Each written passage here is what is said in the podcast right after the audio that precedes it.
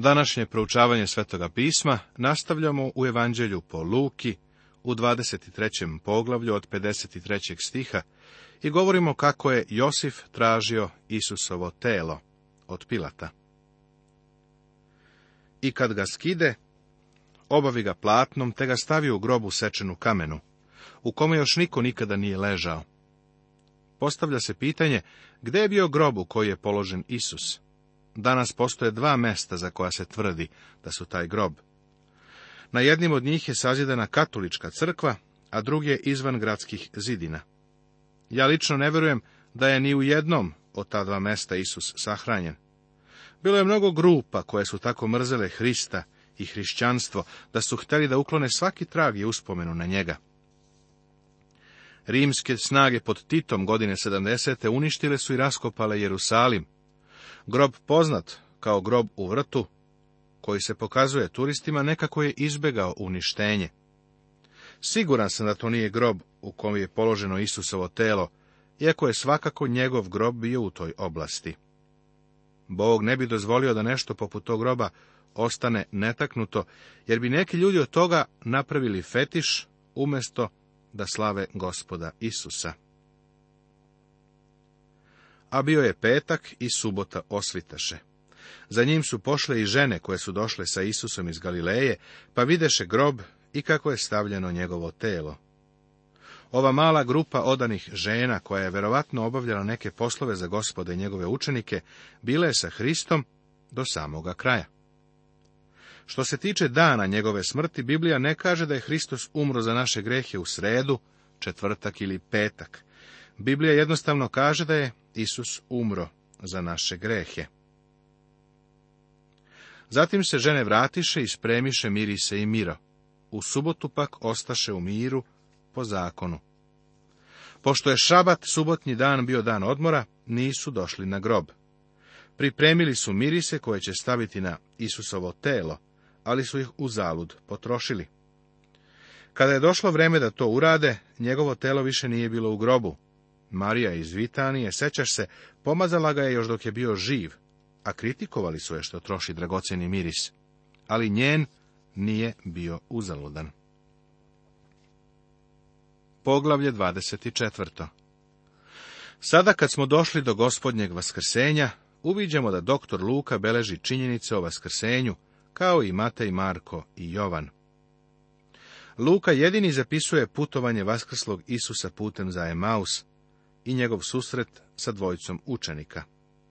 Luka također beleži Hristovo obećanje da će poslati svetoga duha, a potom i njegovo vaznesenje pri kojem je blagosiljao one koji mu pripadaju. A u prvi dan nedelje, vrlo rano, dođoše na grob noseći mirise koje su spremile. Žene su došle i donele mirise. Uvek sam želeo da ih pitam šta su uradile sa tim mirisima. Mariju su prekorili kada je pomazala živoga gospoda. Zašto u zalu trošiš te dragocene mirise? Ali njeni mirisi nisu uzalud potrošeni. Mirisi ovih žena nisu bili od koristi, a mislim da su protraćeni. Žene su verovatno bile toliko uzbuđene, da su prosto oko groba ostavile te mirise.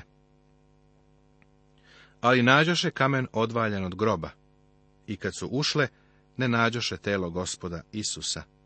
I dok su bile u nedomici zbog toba, kle dva čoveka u sjajnom modelu stadoše pred njih. Pošto su bile uplašene i oborile lica zemlje, one im rekoše, što tražite živoga među mrtvima? Nema ga ovdje, nego je vaskrsao. Setite se kako vam je rekao dok je još bio u Galileji. Naime, da sin čoveči treba da bude predan u ruke grešnih ljudi, da bude raspet i da vaskrsne treći dan. Tada se setiše njegovih reči. Luka govori o ženama koje dolaze na grob. Žene su se prisjetile tih Isusovih reči, kada su ih anđeli podsjetili. Ponekad nešto čuješ i skoro da znaš da je istina, ali ne veruješ. Na ovaj način danas mnogo ljudi tretira Božiju reč. Svi pisci evanđelja potpuno jasno pokazuju da je gospod Isus svojim učenicima stalno govorio da će otići u Jerusalim da tamo umre i da će trećeg dana vaskrsnuti. Oni su čuli šta je rekao, ali nikako nisu stvarno u to verovali. Pa se vratiše od groba i javiše sve ovo jedanaestorici i svima ostalima. To su bile Marija Magdalina i Jovana i Marija Jakovljava majka i ostale žene s njima rekoše ovo apostolima. A njima se ove reči učiniše kao prazna šala i nisu im verovali. Petar pak, usta i otrča do groba. Nagnušiv se vide samo zavoje i ode čudeći se u sebi onome što se dogodilo. Simon Petar je morao u glavi da preturi sve dokaze pre nego što je došao do rešenja o tome šta se desilo. Ne verujem da je on bio mentalno tako brz i živ kao apostol Jovan. Jovan nam u svom evanđelju kaže da kada je otišao na grob i pogledao, da je i poverovao. Igle, Istoga dana dvojica od njih su išli u selo koje se zove Emaus, 160 stadija udaljeno od Jerusalima. I oni su razgovarali među sobom o svim ovim događajima. Dok su oni raspravljali i razgovarali, sam Isus se približi i iđaše s njima. Ali njihovim očima nije bilo dano da ga prepoznaju. Gospod se pridružio dvojici učenika na putu za Emaus, što je otprilike deset kilometara udaljen od Jerusalima. Ti učenici su razgovarali o Isusu. Nisu vidjeli gospoda i iskreno nisu verovali da je ustao iz mrtvih. I reče im, kakvi su to razgovori što ih usput vodite među sobom i zastadoše gledajući tužno. Odgovori jedan po imenu Kleopa i reče mu, jesi li ti jedini stranac u Jerusalimu koji nije saznao šta se u njemu dogodilo ovih dana. Ovo pitanje koje je postavio Kleopa otkriva stranu o kojoj ne govori niko drugi osim doktora Luke. Hvatanje, razapinjanje i suština vaskrsenja su bili nešto što je uzbudilo ceo Jerusalim. Ova dvojica ljudi nisu mogli verovati da u tom kraju ima ikoga ko za to nije čuo. To je kao da ulicama rodnog grada ideš sa prijateljima i razgovaraš o putu na mesec a neki tuđinac vam se pridruži i kaže, hoćete da kažete da je neko bio na mesecu. Prirodno je da biste reagovali. Za nekoga ko živi u našem dobu, bilo bi vrlo teško da ne zna da su ljudi otišli na mesec i vratili se na zemlju. Isto je tako ovim učenicima bilo neverovatno da neko nije čuo o događajima koji su se zbili u posljednjih nekoliko dana. Pavle je u svojoj odbrani pred kraljem Agripom, rekao da je uveren da ništa od svega toga nije bilo sakriveno od njega, jer to nije nešto što se po čoškovima grada dešavalo. I reče im, šta? A oni mu rekoše ono sa Isusom Nazarečaninom, koji je bio prorok silan na delu i u reči pred Bogom i svim narodom. Jesi li zapazio šta su rekli? Rekli su bio je prorok. Mislili su da je mrtav, nisu verovali da je ustao iz mrtvih. Kako su ga naši prvosveštenici i starešine predali na smrtnu kaznu i razapeli ga. A mi smo se nadali da je on taj koji će izbaviti Izraelja. I pri svem tom danas je treći dan kako se to dogodilo. Ovi ljudi su govorili da su se nadali da je Isus prorok koji će izbaviti Izrael, ali sada je prekasno. Razapet je, mrtav je. Nisu mnogo verovali u ono što je taj prorok rekao, u to možeš biti siguran. Uz to zaprepastiše nas neke žene, koje su bile rano ujutru na grobu. I kako nisu našle njegovo telo, dođoše i rekoše da su vidjele pojavu anđela, koji su im rekli da je on živ. Ovi ljudi nisu verovali u izveštaj koji su dale žene. Nisu verovali da je grob bio prazan. Vidiš koliko je tada nevere bilo vezano za vaskrsenje. Ali Postoji mala nada i malo svetlo koje se probija kroz razmišljanje ovih ljudi. Neki od naših odoše do groba i nađoše tako kako su žene rekle, ali njega nisu vidjeli. Baš kao što je izgledalo da se njihova vera povećava ili naduvava kao balon, oni su je bocnuli iglom i njega nisu vidjeli. Nisu znali šta se desilo, ali telo je nekako odneseno nisu bili spremni da objasne šta se dogodilo, ali je ostala činjenica da niko nije video gospoda. I reče im on, o, kako ste nerazumni i spora srca da verujete u sve što su proroci kazali. Prijatelju, ovo je vrlo važan odeljak. Govoreći o svom vaskrsenju, im nije pokazao ožiljka od eksera u rukama da bi to dokazao. Uputio ih je na sveto pismo, a ne na svoje ožiljke. Rekao im je, Trebalo je da verujete onome što su proroci rekli. Važno je da primetimo stav koji gospod ima prema Bibliji. Vreme u kome živimo jeste vreme sumnje. Ima ljudi koji stvarno govore da ne možeš biti inteligentan i verovati u Bibliju. Mnogi se plaše da ih neće smatrati pametnim. Zato ne istupaju otvoreno i ne govore da li veruju u Bibliju. Mislim da je ovo najsubtilnija sotonska zamka našeg vremena, kojom želi da omalovaži nepogrešivost i integritet Božje reči. Hristos kaže da je čovek koji ne veruje nerazuman. On je u potpunosti, celim srcem prihvatio sve biblijske izjave bez ako i ali. Pre neki dan sam povezao jednog profesora sa fakulteta, odvezao ga do benzinske stanice jer imao problema sa autom. Dok smo se vozili, pitao sam ga o tome kakav je stav njegove škole o nepogrešivosti svetoga pisma. Pa rekao je, misliš na pouzdanost, nepogrešivost Biblije? Odgovorio sam, sačekaj malo, raspravljaš semantički. Znaš na šta mislim, kao što i ja znam na šta ti misliš. Da li veruješ u nepogrešivost Biblije ili ne? Nije želeo da otvoreno iznese svoje verovanje.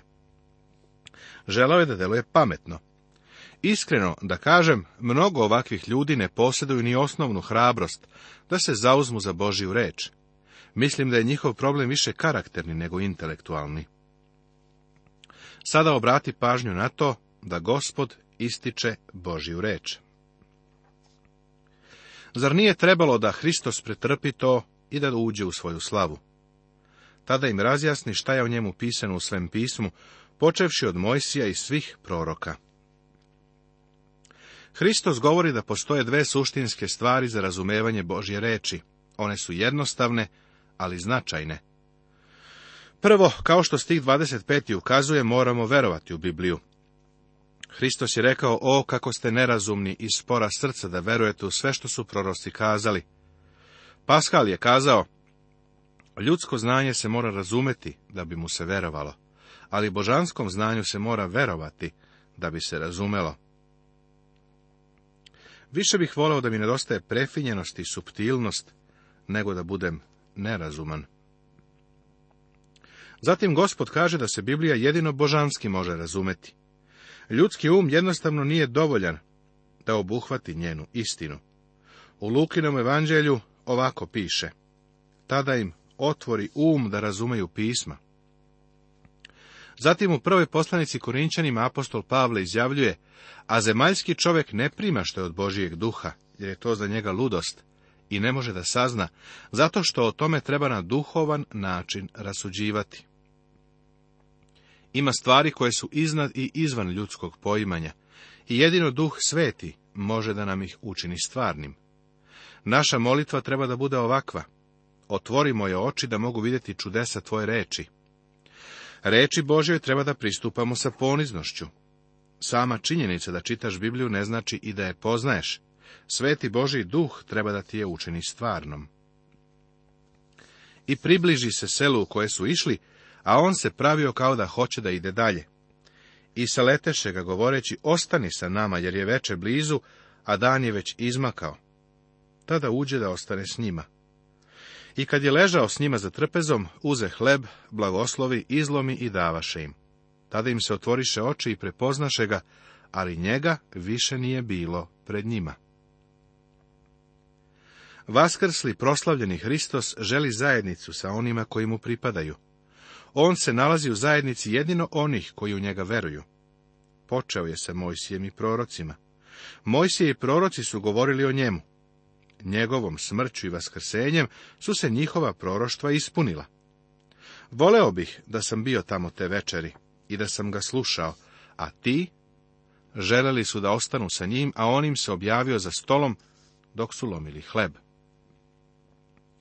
Obedovanje je divno vreme kada možemo govoriti o Hristu.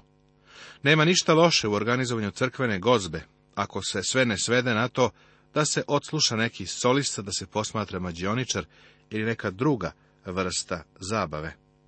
Imamo previše crkvenih programa koji izostavljaju Isusa Hrista.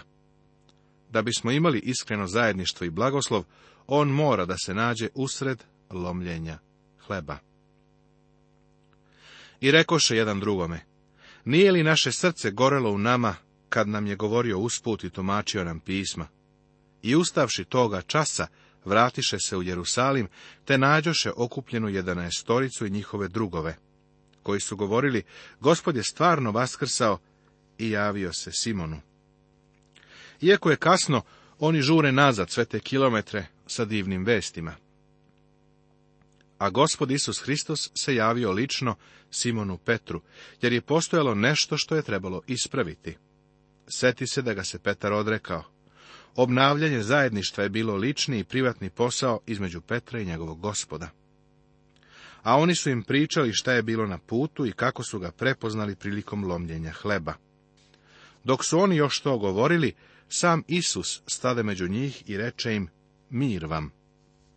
A oni šćučureni i uplašeni mišljahu da gledaju duha. Verujem da bi naša reakcija bila ista da smo bili tamo. I reče im, što ste tako zbunjeni i zašto se javljaju sumnje u vašim srcima? Pogledajte moje ruke i moje noge, ja sam glavom.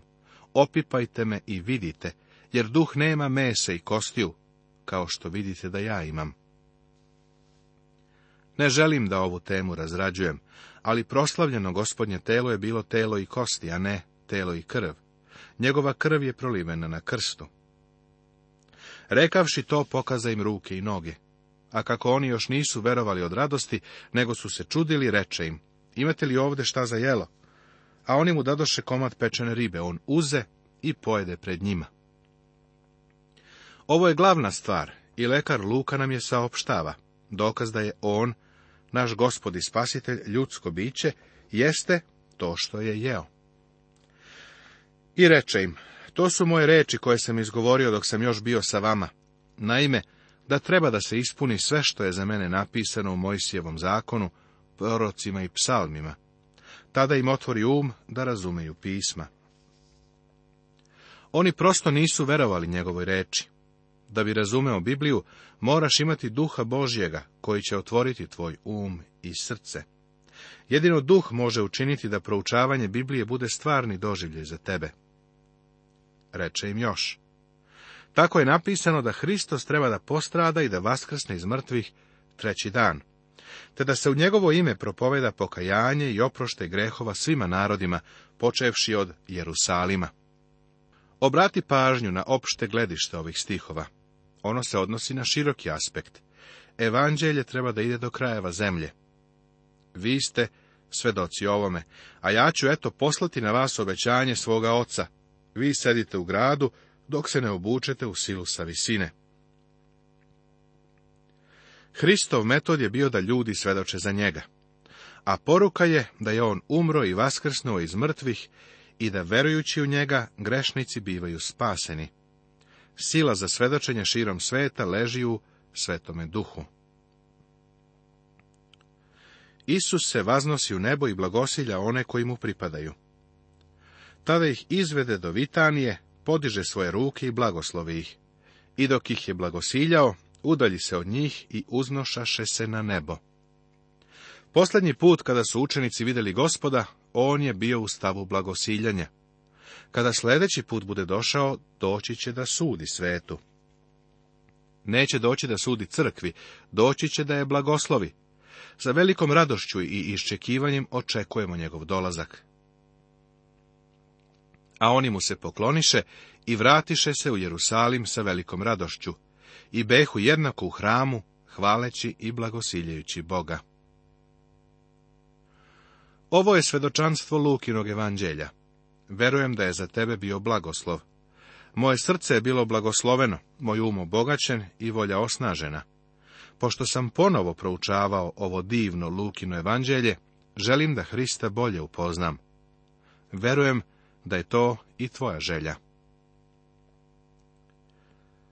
Poštovani slušaoci, ovim smo završili naše proučavanje Evanđelja po Luki u Svetome pismu Novoga Zaveta. U našem narodnom programu počinjemo sa proučavanjem četvrte knjige Mojsijeve, knjige brojeva.